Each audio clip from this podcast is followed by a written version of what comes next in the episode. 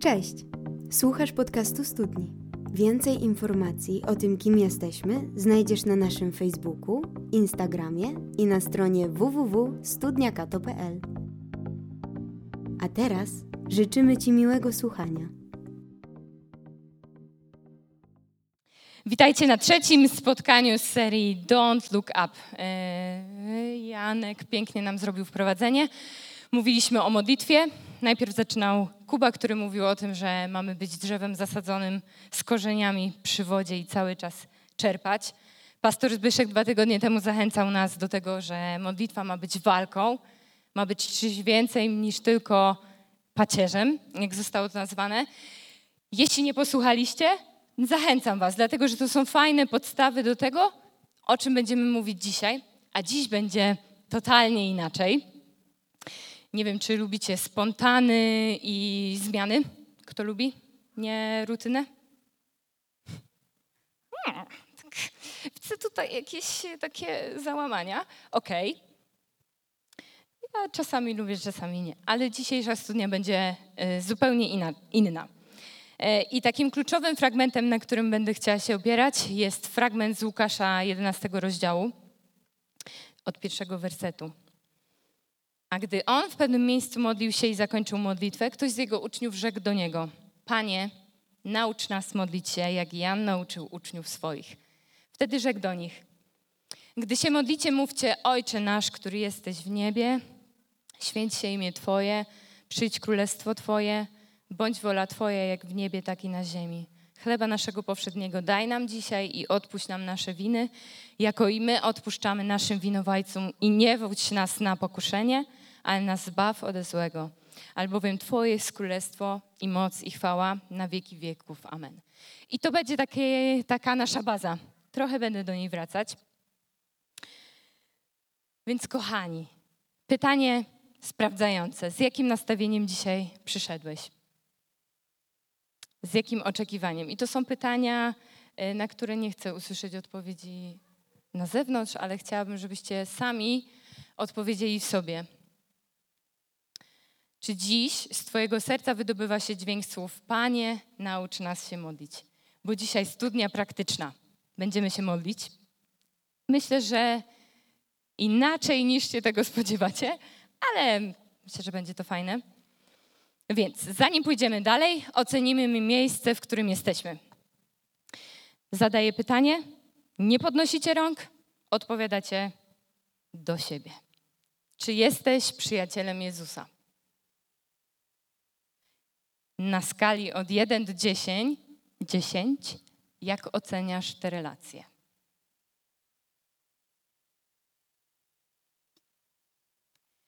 Bardziej robisz, czy jesteś? Robisz rzeczy dla, dla Boga, czy jesteś z Bogiem?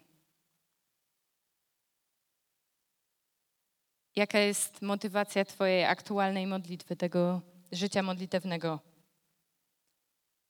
Bardziej uzyskanie czegoś, czy bardziej przebywanie z kimś? No i teraz grube pytanie. Ile czasu realnie, realnie, bądźmy szczerzy, ile czasu realnie spędzasz na modlitwie?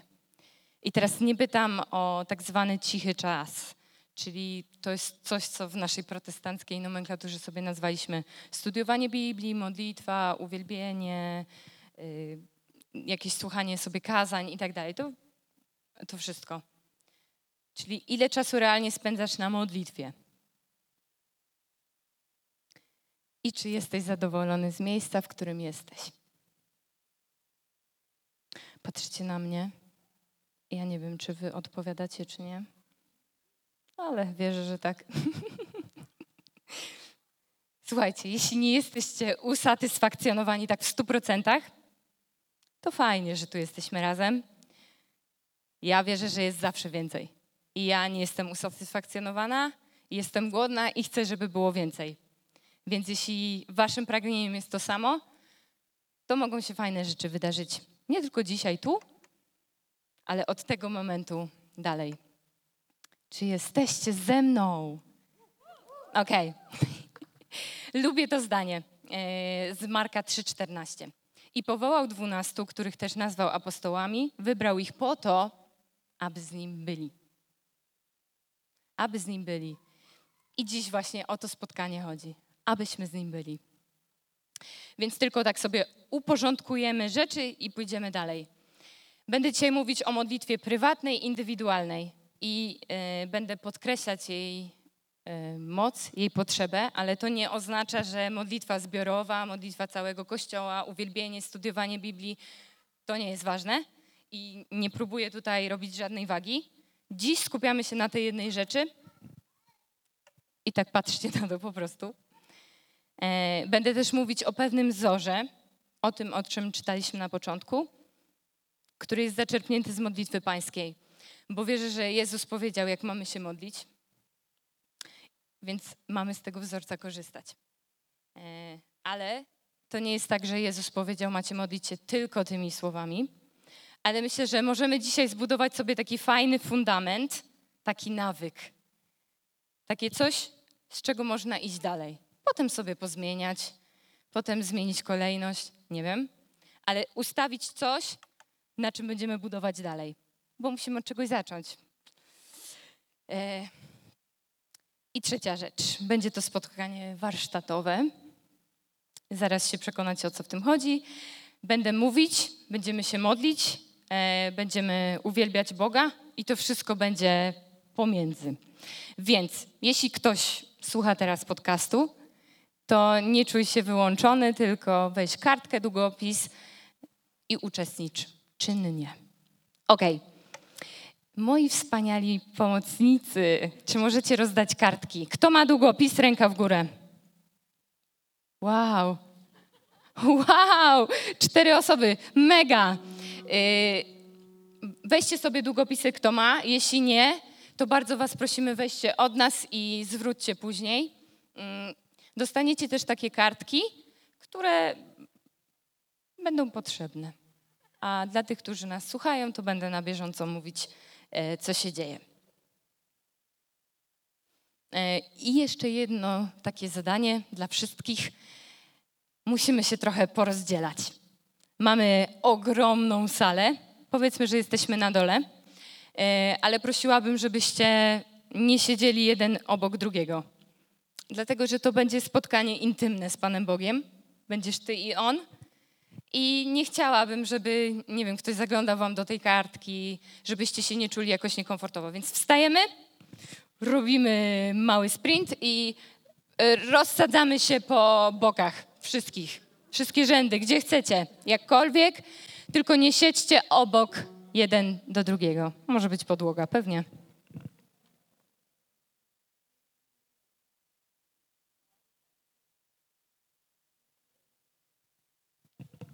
Głównie chodzi o to, żeby było Wam komfortowo. Czy wszyscy mają kartki? Jeszcze nie doszły, dobra. Czy wszyscy mają długopisy? Nie. Dobra. Tutaj ten, ten sektor starczy? Są długopisy jak ktoś.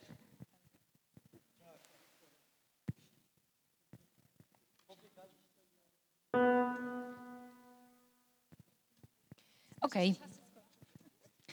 Moje spotkanie z Bogiem. E, jestem podekscytowana w sumie, fajnie.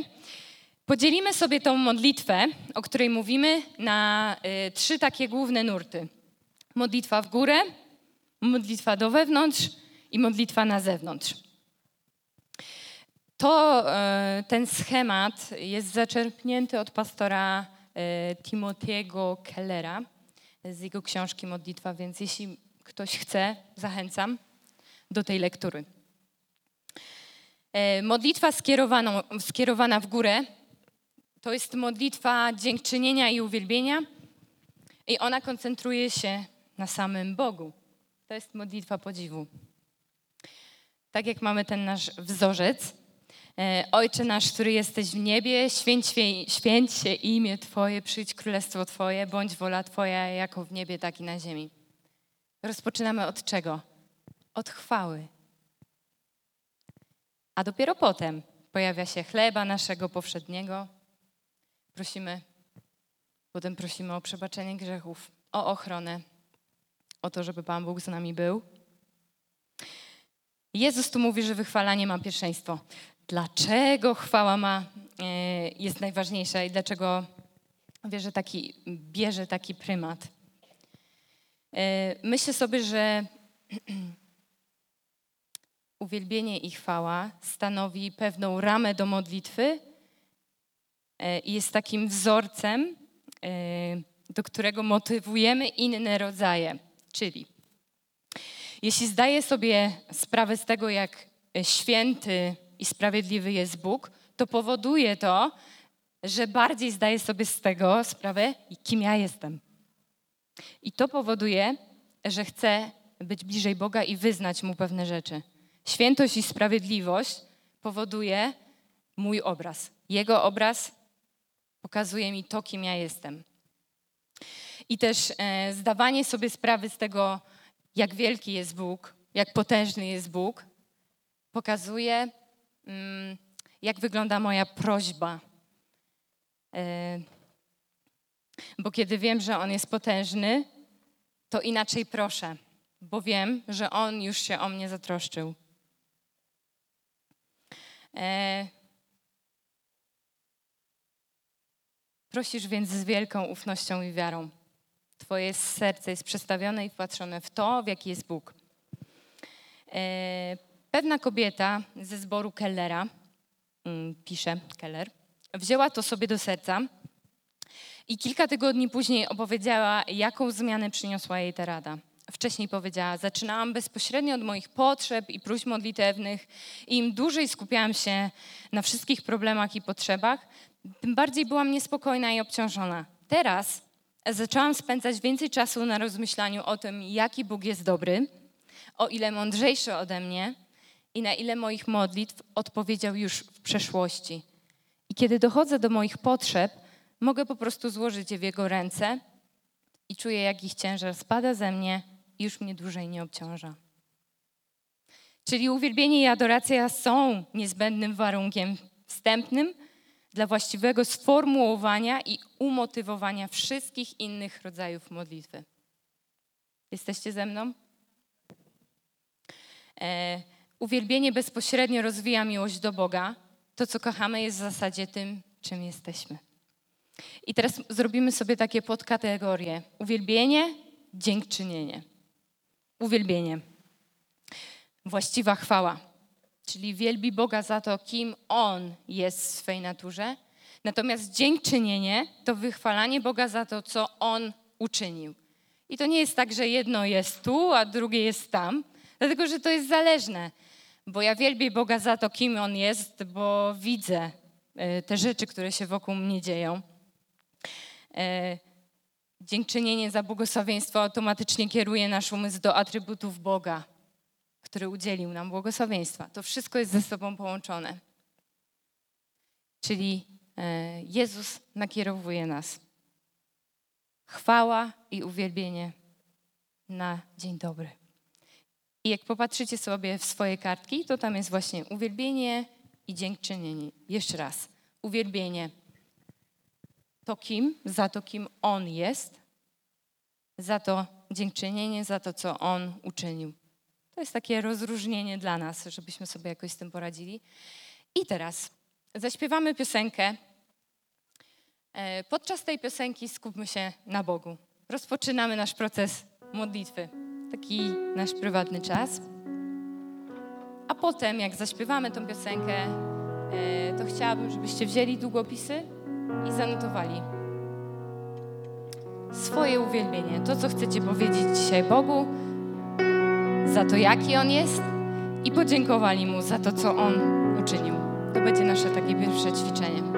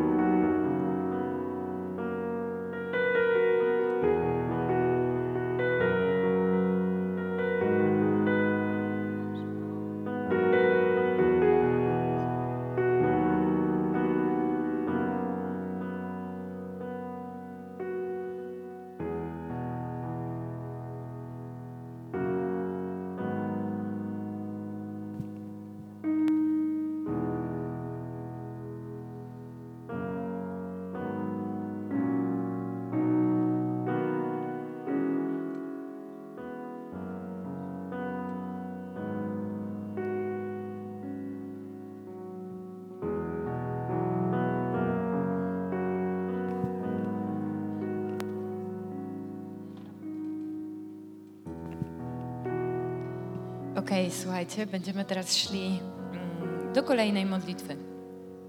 Modlitwa do wewnątrz. Na kartce tam jest samokontrola i pokuta. O tym będziemy mówić. Modlitwa skierowana do wewnątrz to badanie swojego serca yy, i wyznanie. Mówimy na to spowiedź, która przynosi głębsze poczucie grzechu, a w zamian większe doświadczenie łaski i pewności miłości. Tak zwana modlitwa intymności, wielkiej bliskości, bo nie każdemu mówimy o pewnych rzeczach. Y, tylko tak delikatnie napomknę o pokucie, ale o tym można by mówić. Osobne kazanie. Jeśli jesteś dzieckiem Boga, jeśli uznałeś Go jako Pana i Zbawiciela, jeśli całe Twoje życie jest podporządkowane Jemu, to grzech nie może teraz spowodować żadnego potępienia w Twoim życiu. Z powodu zadość czyniącej ofiary Jezusa Chrystusa. Ale musimy również sobie zdawać sprawę, że grzech jest poważny był tak poważny, jest tak poważny i zasmucający, że Jezus musiał umrzeć. E, I musimy być świadomi tych dwóch aspektów. Bo albo będziemy uważać, że udzielanie przebaczenia Bogu przychodzi z łatwością, albo będziemy wątpić w prawdziwość i gruntowność naszego przebaczenia. Czyli utrata świadomości ceny przebaczenia doprowadzi do powierzchownego, pobieżnego wyznawania grzechów bez prawdziwej zmiany serca. Jak nie zdajesz sobie sprawy z ceny przebaczenia, to Twoje wyznanie będzie: To mnie nic nie kosztuje, więc po prostu wyznam. Więc to jest jedna odnoga cena przebaczenia. Ale utrata świadomości, darmowości przebaczenia doprowadzi do ciągłego po poczucia winy, wstydu i nienawiści do samego siebie. Czyli z drugiej strony musisz wiedzieć, darmo z łaski. I to jest jedno. A po drugie, John Stott, brytyjski teolog, powiedział, że wyznanie grzechów oznacza ich porzucenie. Nie wolno tego od siebie oddzielać, ale większość ludzi pokutuje, czyli wyznaje, że to, co zrobili, było złe, nie rezygnując jednocześnie z grzechu i nie odwracając się od niego, nie odwracając od niego serc w taki sposób, który drastycznie osłabiłby ich zdolność do ponownego czynienia w ten sposób. Fałszywy rodzaj pokuty. Przyznajesz się do grzechu, ale tak naprawdę to nie żałujesz go, nic nie zmieniasz. Prawdziwa pokuta według Stota zawiera przyznanie się do grzechu takiego, jakim jest oraz porzu porzucenie go i wyrzeknięcie się go. To jest przyjęcie właściwej postawy zarówno wobec Boga, jak i samego grzechu. grzechu. Dawid. Piękny przykład z Księgi Psalmów 51, szósty werset. Przeciwko Tobie samemu zgrzeszyłem Popełniłem zło w Twoich oczach. Słuszne jest Twe napomnienie. Jesteś bez zarzutów w swoim sądzie. Albo w 32 psalmie. Niech więc modli się do Ciebie każdy oddany Tobie, gdy jest czas na szukanie. Tak nie dosięgną go wody, nawet największych powodzi. Wtedy Ty odpuściłeś winę mego grzechu. Stwierdziłem, wyznam na przekór sobie me nieprawości Panu. Dawid żałował za grzechy, naprawdę. Ponieważ rozumiał, czym one są w oczach Boga, a będąc rozkochanym w Panu, nie chciał sobie na to pozwolić. On był najważniejszy dla niego. I według Kellera prawdziwa pokuta zaczyna się tam, gdzie kończy się użalanie nad sobą. A my zaczynamy odwracać się od grzechu z miłości do Boga, a nie dla własnego interesu. Przyznaj się umysłem do grzechu ale także porzuć grzech sercem. Trudne. Tak, tak myślę, że łatwiej jest nam powiedzieć, o, to jest złe, ale tak często trudno jest odwrócić to serce od tego. A nie możemy zapomnieć o tym, że tu są dwa aspekty. I to prowadzi nas dalej do takiego słowa jak samokontrola. Spowiedź, wyznanie grzechu nie powinno być po prostu reakcją na grzech, o którym już wiesz i jesteś przekonany. Nasze życie modlitewne jest miejscem, w którym powinniśmy przeanalizować swoje życie i znaleźć grzechy, na które czasami jesteśmy zbyt zajęci lub nie czuli, znaleźć je wtedy na kolanach, w miejscu zamkniętym. Samokontrola, badanie swojego serca, tak zwane sprawdzam. I zbadaj, zbadaj swoje serce i pomyśl, ile razy mówisz, sprawdzam. Czy każdego wieczoru, kładąc się do łóżka, mówisz, sprawdzam i badasz siebie. No, jak powinna wyglądać taka samokontrola? E, jest kilka propozycji. E, na przykład e, według Marcina Lutra, na przykład 10, medytacja nad dziesięcioma przykazaniami. Musimy je oczywiście rozumieć. Albo mm, innym przewodnikiem mogą być owoce Ducha Świętego w Galacjan zapisane. Sprawdzam, czy kochałem, czy byłem łagodny. Ale myślę sobie, że przede wszystkim w ogóle zrobienie tego kroku to jest już coś. Czyli słowo sprawdzam. No i teraz piosenka i niech to słowo się stanie. Sprawdzam, badam swoje serce. Modlitwa do wewnątrz.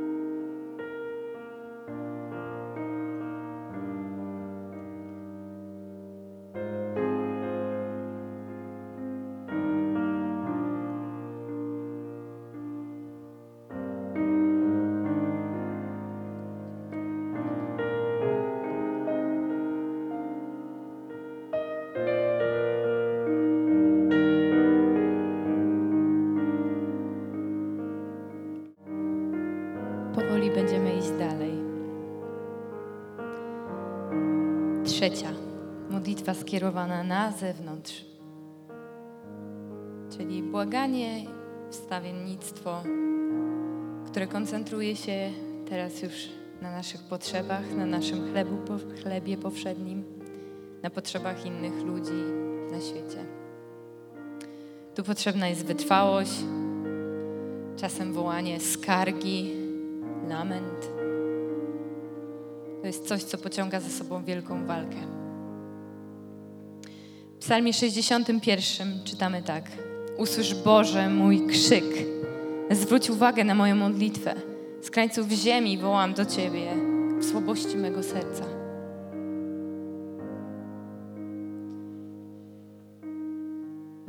W Jakuba w czwartym rozdziale.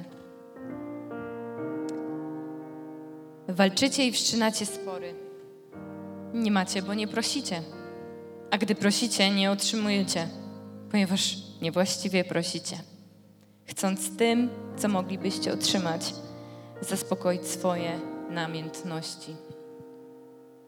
Święty Augustyn powiedział tak: Zanim będziemy mogli właściwie prosić, musimy zrozumieć, kim jest Bóg i co uczynił dla naszego zbawienia.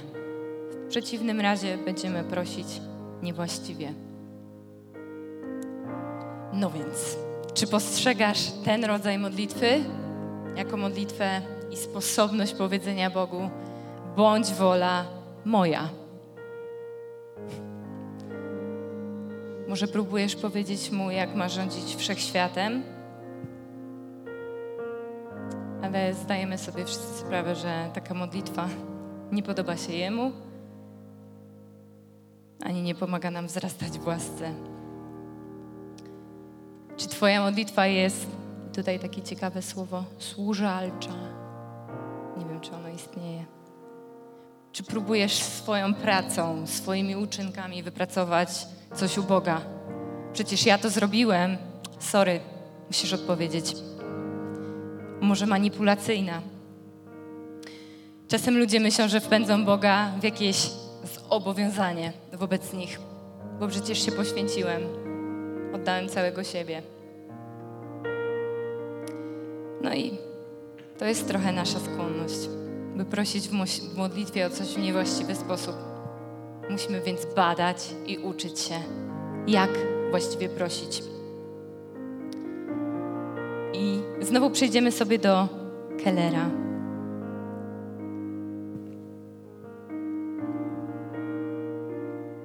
Będzie trochę większy fragment, więc nie wpisywałam go. Trochę uśmiechu też się przyda, bo widzę, że wszyscy jesteśmy po drugiej części przybici, ale to dobrze. E, Keller dzieli tę modlitwę zewnętrzną, błagalną mm, na dwa cele. Jeden jest zewnętrzny. I tutaj wszystko to, co mówię, jest poparte wersetami, więc jeśli ktoś ma problem z jakimś zdaniem, które wypowiem, zapraszam. Przestudujemy Biblię Natomiast, żeby było szybciej, nie będę czytać e, tych wersetów. Poprzez nasze prośby Bóg wpływa na bieg historii. Będzie zaprowadzał sprawiedliwość na świecie poprzez nasze modlitwy. Jest wiele rzeczy, o których mówi, że ich nie da lub nie uczyni, dopóki nie poprosimy. Kiedy poprosimy, da nam więcej niż to, o co prosiliśmy. Nie będzie nam żałować żadnej dobrej rzeczy, o jaką prosimy wszystko to oznacza, że powinniśmy modlić się asertywnie, z ufnością. Mamy Boga, który rządzi wszechświatem i który jest również naszym niebiańskim Ojcem. Dlatego Jezus mówi, że powinniśmy modlić się z bezwstydną śmiałością.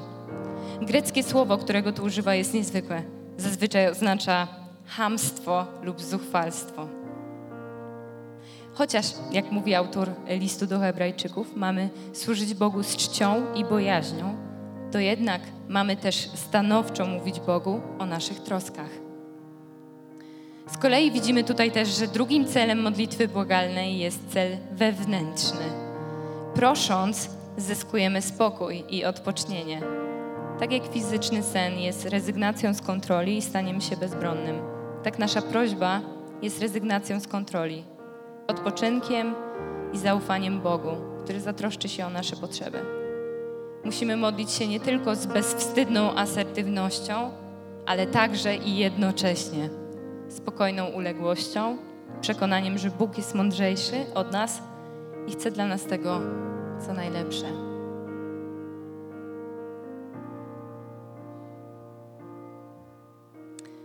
Tak, wiele razy tego doświadczyłam, że kiedy jest ci ciężko, to tylko Jego ręce, Jego ramiona możesz złożyć to, co ci dolega. Ten ciężar złożyć wprost do Jego rąk. No i te, te dwa cele, czyli naprawianie świata, przyjdź królestwo Twe, ale także uspokajanie serca, bądź wola Twoja, nie moja. I jak widzicie na swoich kartkach, mamy taki podział na prośbę, skargę i czekanie. To oczywiście się ze sobą przeplata. Prośba. No, chyba najczęstsza z naszych modlitw. Można by powiedzieć najbardziej zwyczajna, najbardziej naturalna, najbardziej chyba najłatwiej się od niej zaczyna. Panie, proszę, tylko jeszcze ten jeden egzamin. Wiem, że się nie uczyłam za długo Następnym razem już tak nie będzie.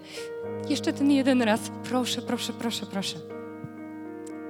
Więc myślę, że nie muszę tutaj dużo o niej mówić. Z własnego doświadczenia też o tym wiem. Czyli prośba, nasza modlitwa o chleb powszedni, o to, co potrzebuję duchowo, emocjonalnie, materialnie, o wolność od grzechów i pokus, o jasność i energię do wykonywania codziennej pracy o ochronę przed urazami, chorobami, o środki finansowe dla utrzymania mnie, mojej rodziny i przede wszystkim o bliskość i społeczność z Bogiem. I tutaj w tej prośbie jest też prośba o innych, co jest nazywane modlitwą wstawienniczą. Obejmuje potrzeby innych ludzi, rodziny, przyjaciół, kogoś, kogo minąłeś właśnie, a może miał łzy w oczach. O tych, którzy mają się źle, Biblia również zachęca nas do modlitwy o chorych. Mogą to być również modlitwy ogólne o Kościół, o świat, o politykę, cokolwiek.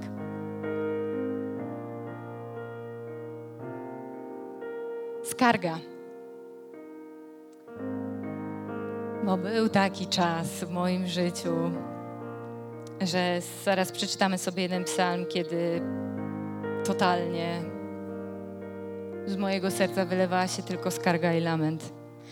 No i teraz, czy to jest ok, skoro wiem, że Pan Bóg jest taki dobry, skoro wiem, jaki On jest i jak wiele dobrych rzeczy dla mnie uczynił, czy mogę pozwolić sobie na to, żeby wylać przed Nim serce i powiedzieć, no średnio.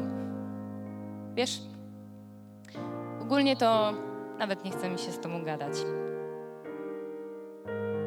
wręcz zaczynam wątpić. Tyle. Dzięki. Nie wiem, czy doświadczyliście takich momentów. Ja tak.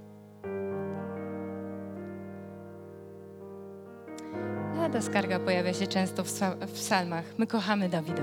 Wszyscy chcemy być jak Dawid. A Dawid sobie pozwolił kilka razy na niezły lament. Więc dlaczego nie? Przeczytajmy sobie Psalm 88.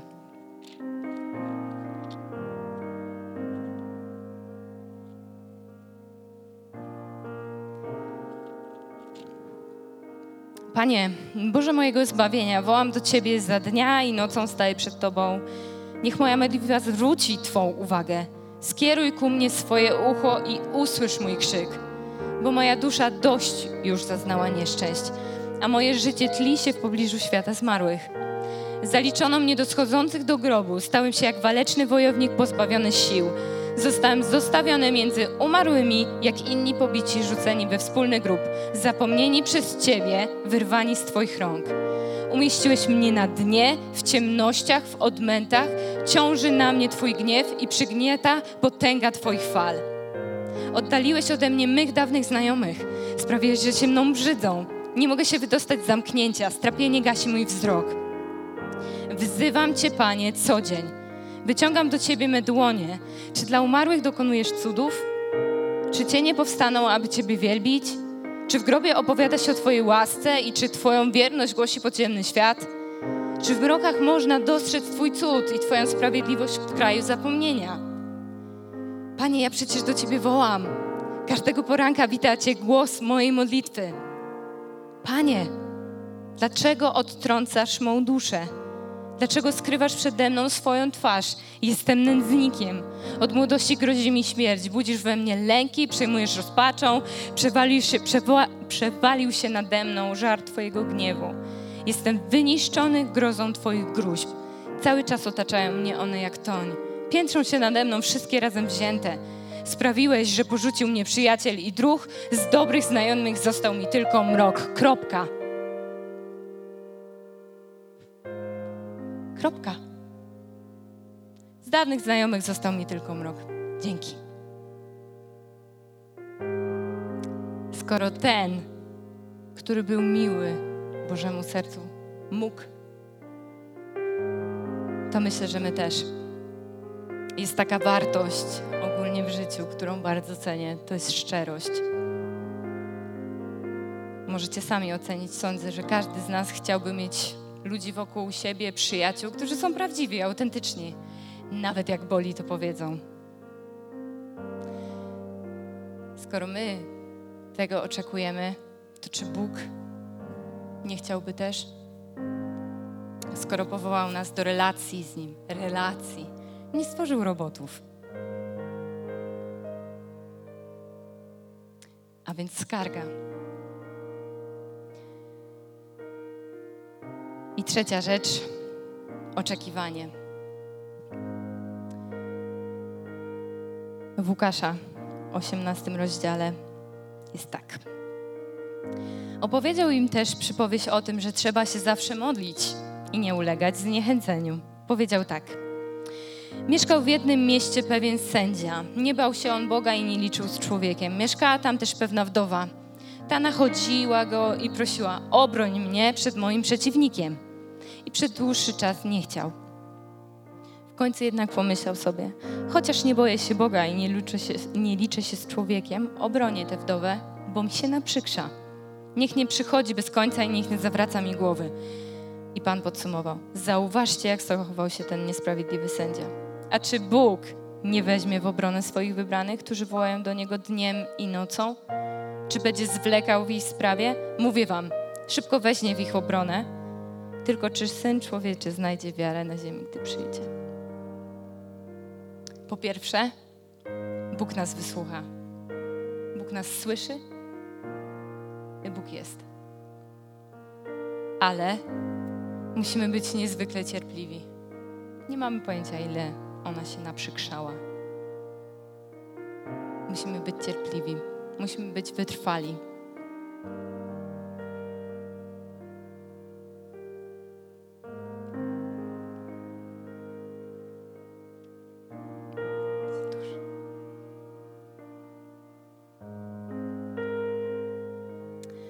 Jedno, kochani, miejcie na uwadze, u Pana jeden dzień jest jak tysiąc lat i tysiąc lat jak jeden dzień. Pan nie zwleka z dotrzymaniem obietnicy, chociaż niektórzy uważają, że zwleka.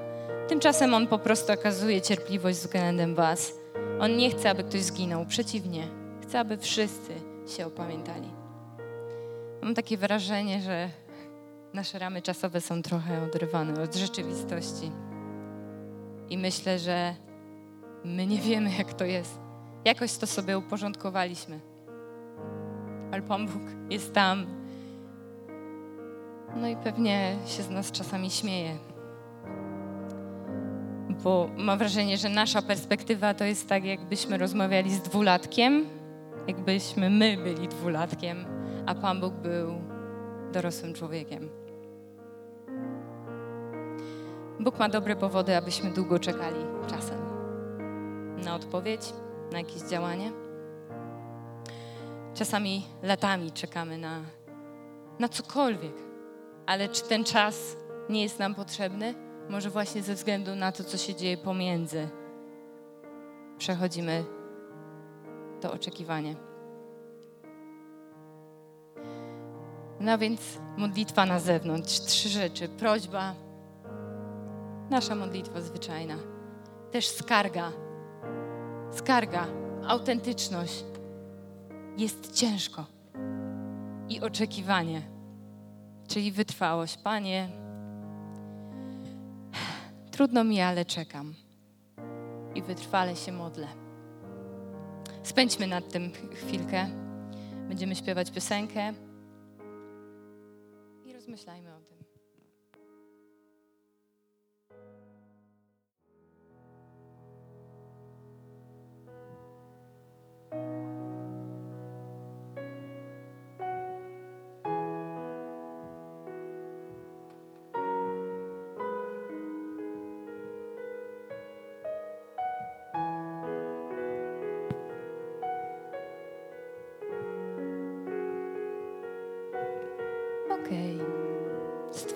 Stworzyliśmy sobie taki schemacik.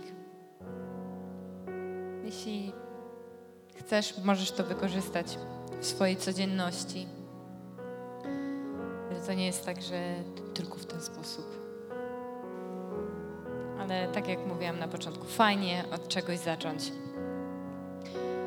Więc niech Wam służy. Rozwijajcie to. Ale to jeszcze nie koniec. Dlatego, że chciałabym jeszcze poruszyć jeden króciutki temat, mm, abyśmy sprawdzili swoje serce.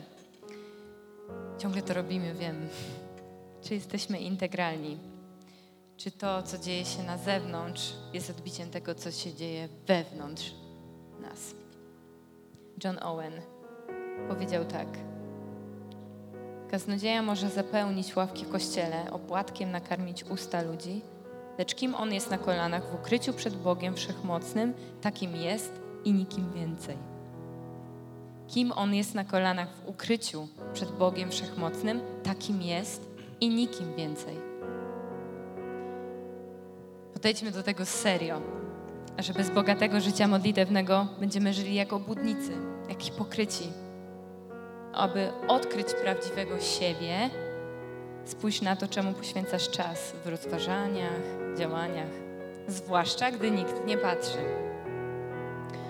i kiedy nic nie zmusza cię do myślenia o czymś konkretnym. Kiedy masz wolność, gdzie twoje myśli się kierują.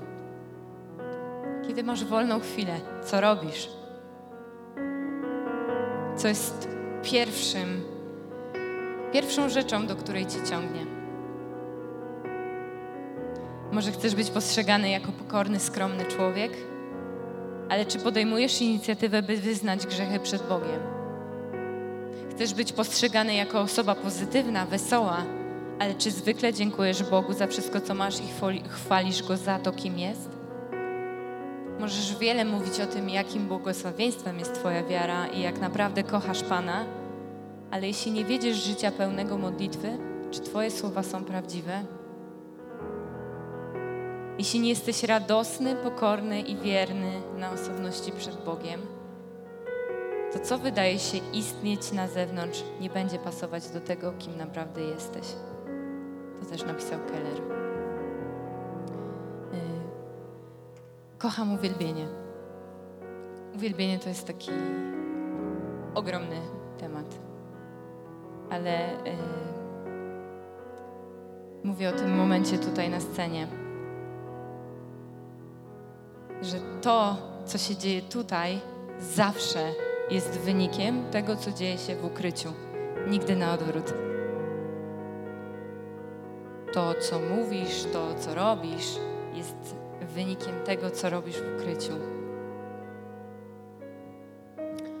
Gdy się modlicie, nie bądźcie jak obudnicy. Oni to lubią w synagogach, na rogach ulic wystawać i modlić się, żeby się ludziom pokazać.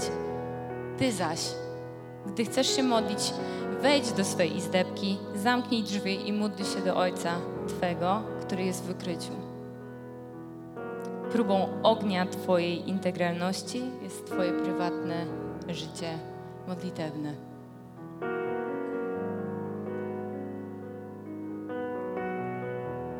Czy modlisz się tylko, gdy wymaga tego miejsce, kościół, nabożeństwo, sytuacja?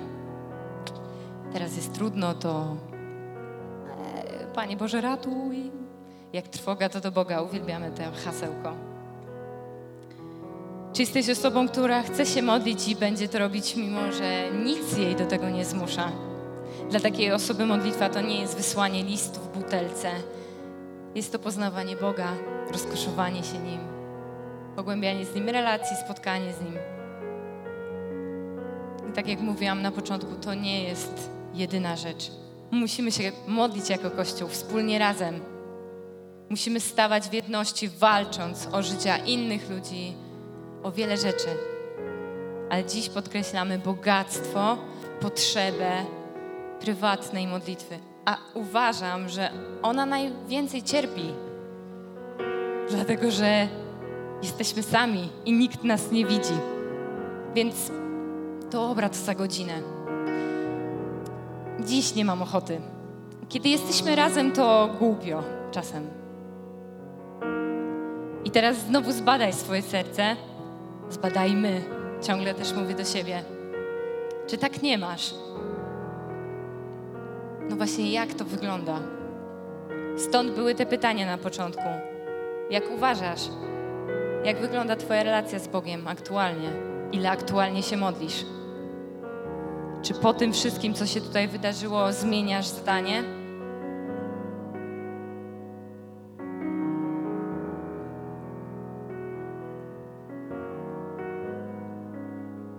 Usłyszeliśmy wiele. Pora na, pora na weryfikację. Zanim zakończenie, chciałabym, żebyśmy zaśpiewali sobie piosenkę Make Room. W Briżu tam jest piękne słowo. Zbóż każdy mur mojej tradycji, niech runie grunt pustej religii.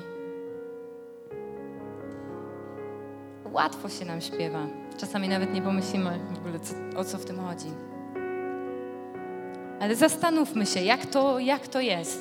Czy to jest jakaś tradycja, czy to w ogóle moje chrześcijaństwo, to, czy, to jest, czy to jest żywe? Czy ta moja modlitwa przynosi jakikolwiek efekt? Czy, czy, czy to ma sens? Czy muszę coś zmienić? I potem zaśpiewaj, zbóż każdy mur mojej tradycji, niech runie grunt pustej religii. Chcę tylko Ciebie. Chcę tylko Ciebie. Jeśli chcesz tylko Jego, to będzie taka zmiana, że wow. Mówię Ci. Bo kiedy pragniemy przebywania z Nim, to ciągle, ciągle do Niego idziemy. Tak jak zakochany do zakochanego. Zakochany człowiek do zakochanego drugiego człowieka. Czekasz. No nie możesz się doczekać. Czy tak jest z Tobą i z Bogiem? Możecie siedzieć, możecie wstać.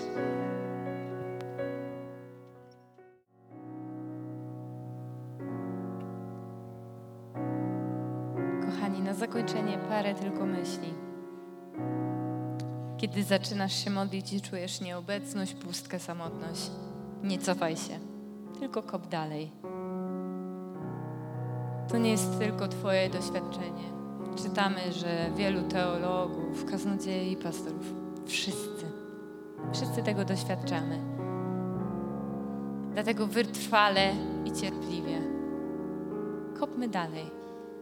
Módlmy się. Przełamujmy to. Bo jeśli nie zrobisz tego, to na bank to się nie zmieni. Ty się po prostu cofniesz. Tak jakbyś uciekał. Więc jeśli się nie da, to idziesz do przodu. Nie przestawaj. Keller pięknie to podsumowuje. Mówi tak. Modlitwa jest jedynym wejściem w prawdziwe samopoznanie. Jest to także główny sposób, w jaki doświadczamy głębokich zmian. Ponowne uporządkowanie priorytetów w tym, co i w jaki sposób obdarzamy miłością. Modlitwa jest sposobem, w jaki Bóg daje nam wiele niewyobrażalnych rzeczy, które ma dla nas. Sprawia ona, że Bóg może bezpiecznie dać nam wiele z tego, czego pragniemy.